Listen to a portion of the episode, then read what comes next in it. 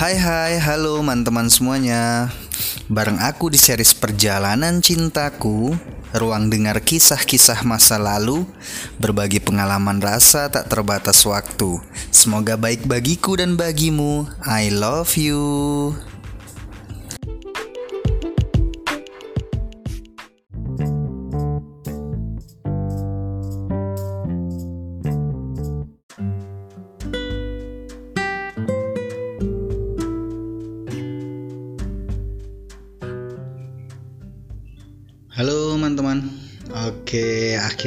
kita memasuki episode kedua. Alhamdulillah episode kedua bisa rilis. Oke. Butuh beberapa perjuangan untuk sampai di episode kedua. Yang pertama ternyata untuk uh, konsisten di dunia kreatif itu memang agak sulit ya. Dan ini benar-benar pertama kali aku pengen serius di dunia kreatif digital seperti ini. Banyak orang bilang kalau dunia kreatif itu yang pertama susah untuk mulai dan yang kedua setelah mulai harus konsisten nah itu yang susah. Dan untuk beberapa orang malah terjebak di konsisten untuk tidak mulai-mulai gitu kan. ya alhamdulillah lah kita berhasil rilis uh, episode kedua ini semoga ke depannya semakin konsisten dan semakin matang dalam berpodcast. Artinya dengan adanya experience dari episode ke episode semoga episode ke depannya terus lebih baik dan bisa teman-teman nikmati semuanya. Oke ini episode kedua masih bercerita tentang cinta pertama. Uh, Sedikit ringkasan untuk episode pertama Supaya teman-teman bisa masuk ke episode kedua ini dengan lebih gampang. Oke ya ini cerita tentang uh, gimana aku mengalami cinta pertamaku Sewaktu kelas 3 SMP Kebetulan uh, perempuan yang bikin aku jatuh cinta untuk pertama kali itu berada di kelas 1 dengan inisial namanya EW di waktu pertama kali aku meng menghadapi cinta pertama ini aku nggak punya cukup nyali buat langsung ngungkapin ke perempuan tersebut. Akhirnya aku putuskan untuk bikin surat. Nah, jadi aku menyampaikannya lewat surat dan suratnya juga surat misterius ataupun surat kaleng yang artinya di dalam surat itu nggak ada identitas aku sebagai pengirim gitu. Dan kebetulan juga surat itu aku bentuk dalam uh, bahasa Inggris yang waktu itu juga bahasa Inggrisnya masih kacau banget dan nggak nggak ngerti tensis yang bener-bener yang word by word gitu mengartikan. Jadi menerjemahkannya juga word by word gitu kan. Uh, surat ini berhasil sampai di tangan EW nah, sudah diterima oleh dia dan dia pun menerimanya dengan senang hati dalam tanda kutip karena waktu itu uh, nggak uh, ada identitasnya jadi mungkin kesenangan dia itu uh, karena adanya rasa penasaran lah di dalam dirinya gitu kan. Nah, uh, aku tahu Ewe ini menerima suratku karena berhasil menguntit dia waktu dia berdiskusi mengenai surat yang aku kirim ke dia bersama temannya di belakang laboratorium sekolah. Nah, jadi di episode pertama itu ceritanya sampai di sana. Sampai Ewe ini terima suratku dan berdiskusi dengan temannya yang kebetulan kelas 2 waktu itu uh, mengenai surat yang ia terima. Oke. Okay.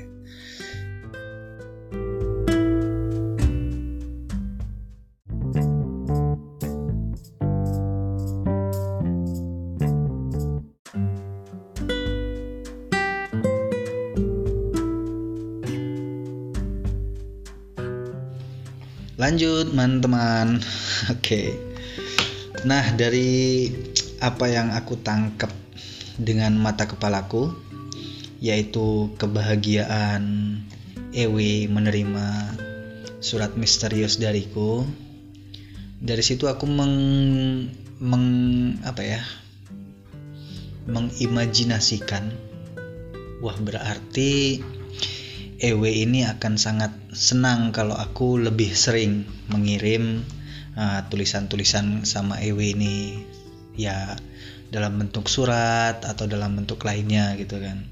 Jadi aku berpikir wah ke depannya aku akan menuliskan EW surat mungkin puisi ataupun lainnya sehingga bikin dia senang gitu kan biasalah kalau kita uh, cinta atau suka sama orang biasanya kita akan juga bahagia kalau ngelihat orang itu bahagia. Apalagi kalau bahagianya itu juga gara-gara kita gitu kan. Dari sini uh, aku mulai ngerasa untuk nge-explore bakat menulisku. Jadi aku mulai kayak tulis-tulis surat tulis-tulis puisi seperti itu. Dan aku jadi lebih sering minta kertas wangi yang warna-warni itu ke adikku. Kebetulan dia punya banyak jadi aku minta. Kadang juga aku ambil diam-diam tanpa sepengetahuan dia. Jadi aku tulislah surat gitu kan tulis puisi. Jadi kalau ya kan kita nulis surat atau, ataupun nulis puisi itu kan nggak langsung jadi gitu ya. Pasti ada coret-coretannya. Jadi lumayan makan banyak kertas waktu itu. Dan kalau udah jadi itu biasanya aku simpen dulu aku baca lagi aku baca berulang-ulang kira-kira bagus nggak. Nah ini setelah aku baca berulang-ulang dan menurutku itu sudah cukup bagus baik itu surat ataupun puisi baru aku putusin untuk kasih ke Ewe lagi. Sama masih dengan cara yang diam-diam artinya tidak memberikan secara terang-terangan. Uh, uh, cara diam-diamnya ini cukup unik ya sebenarnya teman-teman. Jadi di SMP ku itu kalau kalau aku tidak salah itu pulangnya jam satuan jam satu atau setengah dua gitu kan. Jadi ya seperti ceritaku di awal nah, kelasku dan kelas EW itu kan berhadap-hadapan walaupun ada jarak lapangan sekitar 50 meteran.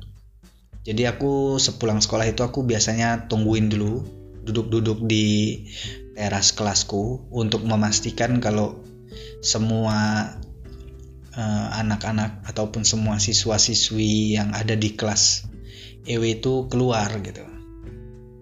Udah nggak ada lagi sisa di dalam. Nah kalau sudah seperti itu maka aku mulai mengendap-endap untuk taruh untuk letakkan surat ataupun puisiku di laci mejanya EW ini. Ya, seperti itulah proses aku memberikan tulisan-tulisanku ini kepada EW gitu kan.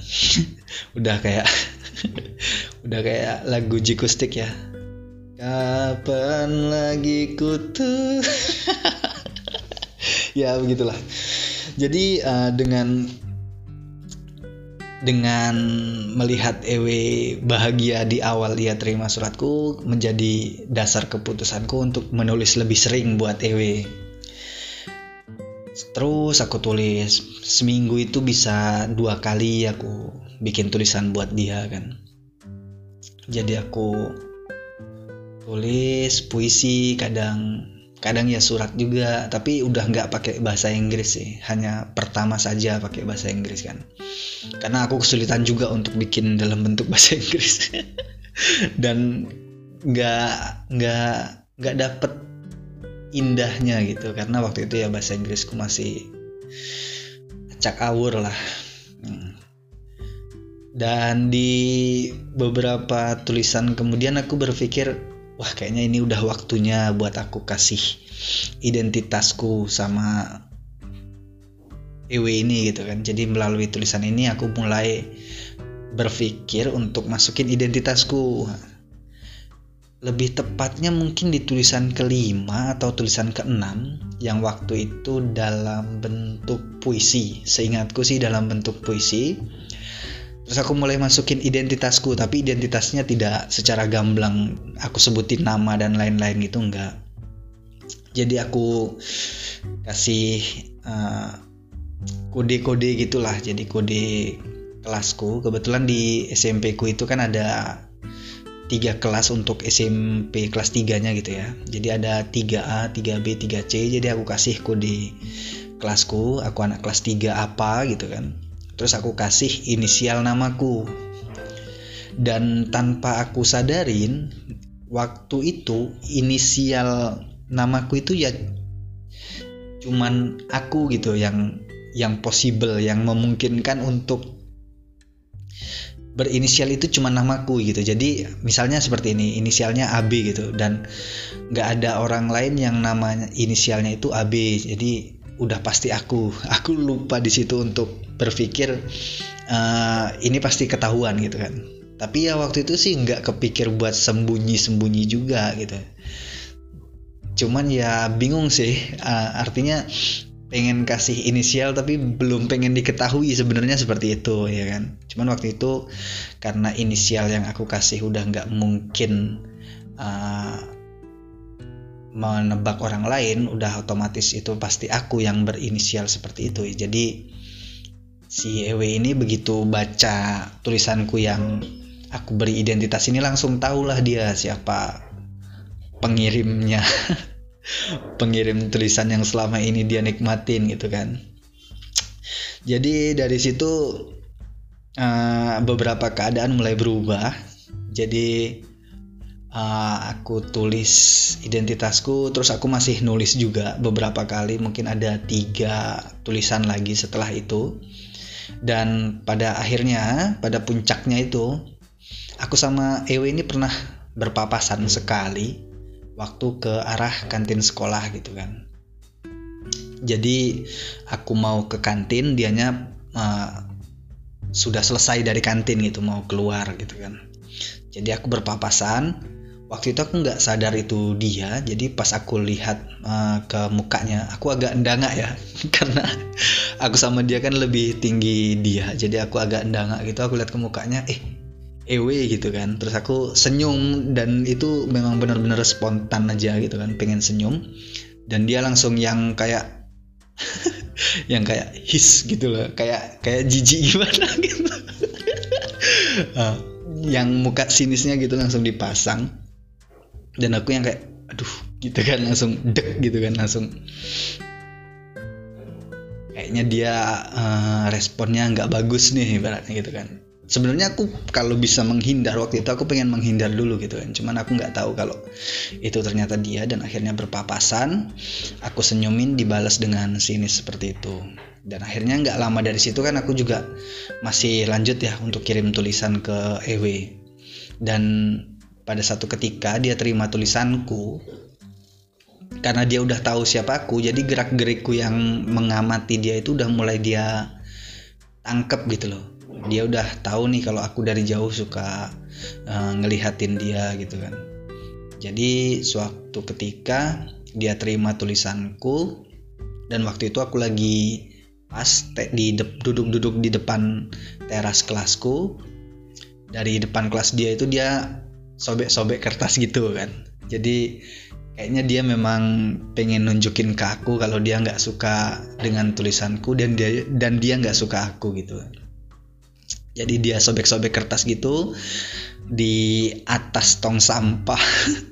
Tong sampah di depan kelas dia. Se semacam penegasan gitu kalau uh, Ewe ini nggak mau lagi lah terima tulisan dari aku gitu kan.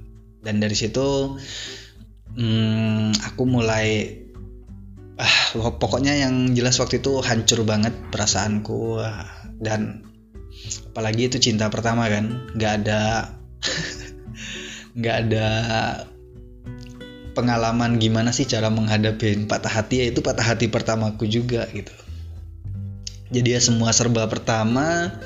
Dan kebetulan waktu itu aku nggak ini ya aku nggak cerita sama temen-temenku soal ini gitu kan. Jadi uh, ini aku telan sendiri semua semua ke kegelisahan itu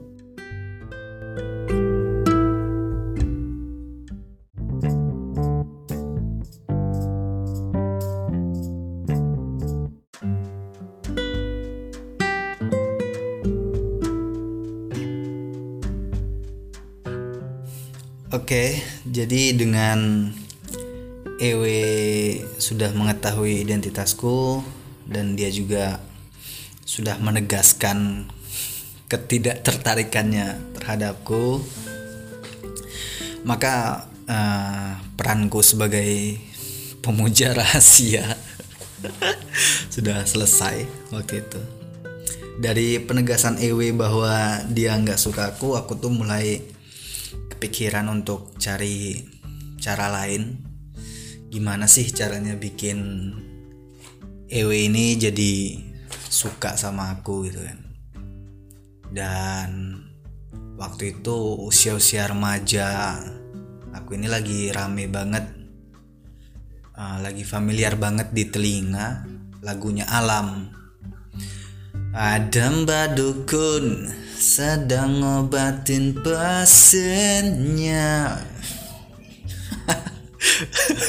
jadi aku mau enggak lah enggak, enggak enggak. Aku enggak pakai dukun aku enggak pakai kayak gitu kayak gitu.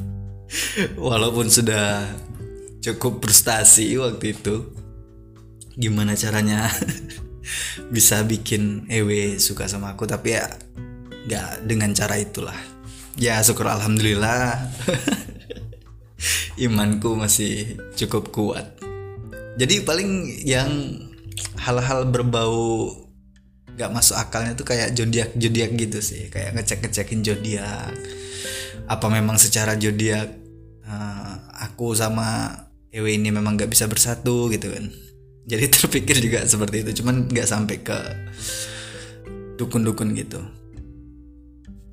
terus uh, nggak uh, sadar karena aku butuh cara untuk bikin Ewe suka sama aku aku kayak observasi gitu gitu kan. Semacam merhatiin sebenarnya apa sih yang bikin uh, cewek itu suka sama cowok gitu ya jadi uh, di di SMP ku itu ada beberapa cowok yang memang uh, gonta-ganti pacar gitulah. Kalau istilah sekarang mungkin fuckboynya ya. Tapi nggak tahu sih itu sampai ke momen di fuck atau enggak. Enggak lah pokoknya zaman itu disebutnya playboy lah. Kayak gitu ya gitu. Aku perhatiin aku observasi kenapa uh, cowok ini temanku bisa jadi playboy bisa gampang banget gitu kan dapetin uh, cewek. Jadi dari situ aku mengambil beberapa keputusan. Kayak oh ternyata cewek itu lebih suka cowok yang bandel gitu kan. Cowok yang bandel terus uh, famous gitu. Banyak temennya gitu kan. Terus kayak yang keren lah pokoknya jadi perbincangan gitu di di sekitaran sekolahan misalnya dari cewek-ceweknya memperbincangkan dia. Itu cowok nah, cowok-cowok seperti ini akan lebih mudah untuk dapetin pacar. Nah aku sih cuman ngambil uh, ringkasnya jadi aku cuman berpikir pokoknya uh, cowok itu harus bandel untuk lebih mudah disukain sama cewek atau lebih mudah mendapatkan pacar. Dari situ aku benar-benar berubah secara sifat ya. Sebenarnya aku dulu itu anaknya yang nggak terlalu pintar juga bukan rombongan orang-orang 10 besar di kelas gitu kan. Kebetulan kelasku juga kelas 3 yang unggul waktu itu aku masuk kelas unggul di kelas 3 jadi aku yang tengah-tengah lah misalnya siswa siswinya 30 orang ya paling aku ranking 15 16 kayak gitu kayak gitulah. Dan aku juga bukan orang yang punya prestasi prestasi tertentu gitu yang bisa dibanggain ya. Misalnya kadang kan orang ada yang memang tidak pintar secara akademis terus mereka ada beberapa keahlian dalam bidang olahraga dan aku memang yang nggak punya dua-duanya gitu. Eh, nggak pintar secara akademis dan juga nggak ahli dalam bidang olahraga dan juga uh, secara fisik yang nggak menarik gitu. Ya cuman di situ aku mulai bandel lah. Pokoknya aku cuman fokus ke bandel itu aja. Jadi aku berpikir kalau cowok semakin bandel semakin mudah dapetin cewek. Akhirnya aku mulai bolos di certain mata pelajaran. Terus aku mulai ngerokok juga di situ. Cuman nggak ngerokok yang beli sendiri atau apa gitu. Cuman ya kalau teman lagi kumpul-kumpul terus ada rokok ya aku minta. Kalaupun nggak ada aku juga nggak nggak terlalu pengen gitu. Cuman buat keren-kerenan doang sih ngerokok waktu itu. Uh, semoga teman-teman nggak uh, niru ya. Mungkin uh, teman-teman yang dengerin ini masih ada yang uh, usia remaja atau di bawah 17 tahun. Uh, semoga jangan ditirulah untuk coba-coba ngerokok nggak nggak enak kok aku aja sekarang malah nggak ngerokok sama sekali Oke lanjut ya. Jadi aku mulai bolos, bolos uh, jam pelajaran tertentu, terus bolos les juga. Kebetulan kan waktu itu aku kelas 3 jadi ada pelajaran tambahan gitu di sekolah yang di ini apa ya? Yang diadakan itu untuk menghadapi ujian nasional lah waktu itu persiapan ujian nasional. Jadi ada kayak semacam lesnya gitu. Aku juga mulai bolos les gitu-gitu kan. Main PS waktu waktu apa?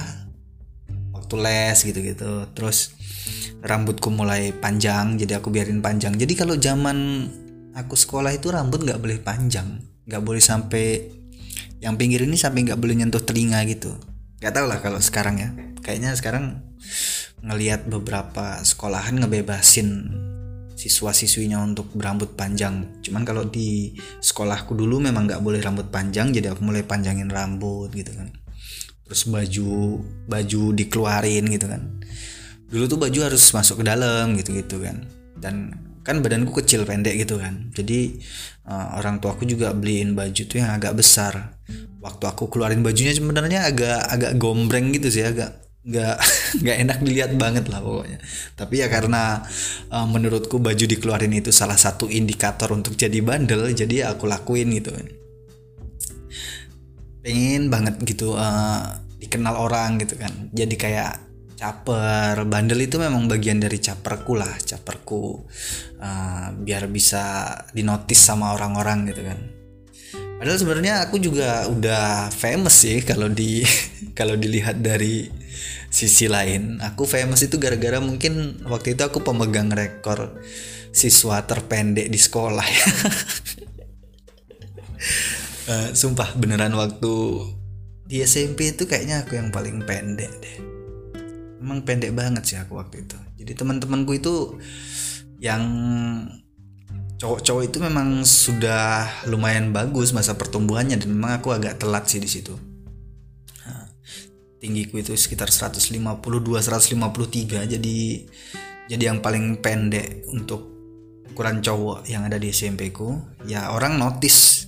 Gara gara aku yang paling pendek itu orang notisnya di situ. Jadi ya itu bisa dibilang famous cuman famousnya bukan famous karena hal yang kita inginkan gitu kan. nah, jadi bandelku itu parah banget. Aku udah yang kayak pokoknya aku pengen jadi anak bandel gitu kan. Jadi berkali-kali uh, surat panggilan dari sekolah itu ditujukan ke orang tuaku. Tapi ya aneh juga sih sekolah. Sekolah zamanku itu ngasih surat panggilan orang tua itu lewat aku. Ya nggak mungkin aku kasih gitu kan. Pasti aku aku musnahkan lah.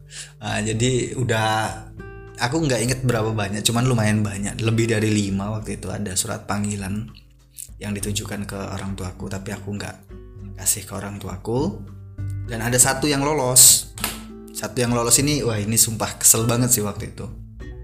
Jadi uh, satu surat panggilan yang lolos ini perkaranya gara-gara dititipkannya lewat tetanggaku gitu kan jadi aku nggak tahu nih kalau surat nah, sudah sampai ke orang tuaku. Langsung aku dipanggil sama sama bapakku. Jadi bapakku lumayan galak ya waktu waktu aku masih kecil itu bapakku lumayan galak.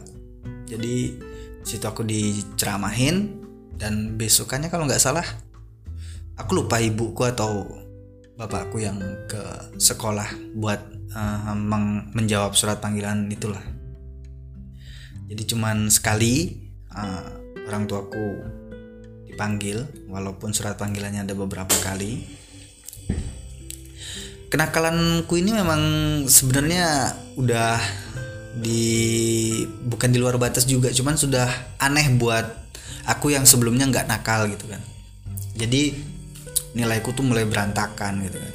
Jadi aku tuh mulai di semester pertama kan aku uh, jatuh cinta pertama kali kan di kelas 3 kelas 3 itu di bulan-bulan pertama gitu masih jadi pemuja rahasia terus akhirnya uh, Ewe tahu identitasku uh, dan dia nggak suka aku dan dari situ aku mulai bandel. Lah jadi di nilai semester pertama kelas 3 itu hancur banget nilaiku. Jadi aku di situ peringkat terakhir.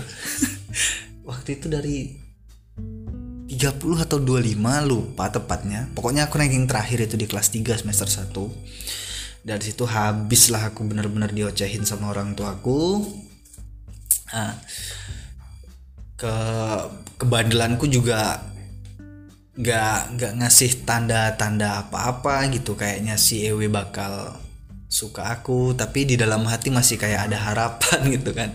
Oh mungkin aku kurang bandel gitu kan bodoh banget lah pikiran waktu itu bisa berpikir seperti itu kan. Aku cari terus aku gali terus ini apa yang bisa uh, bikin aku terlihat lebih bandel lagi dan lebih keren.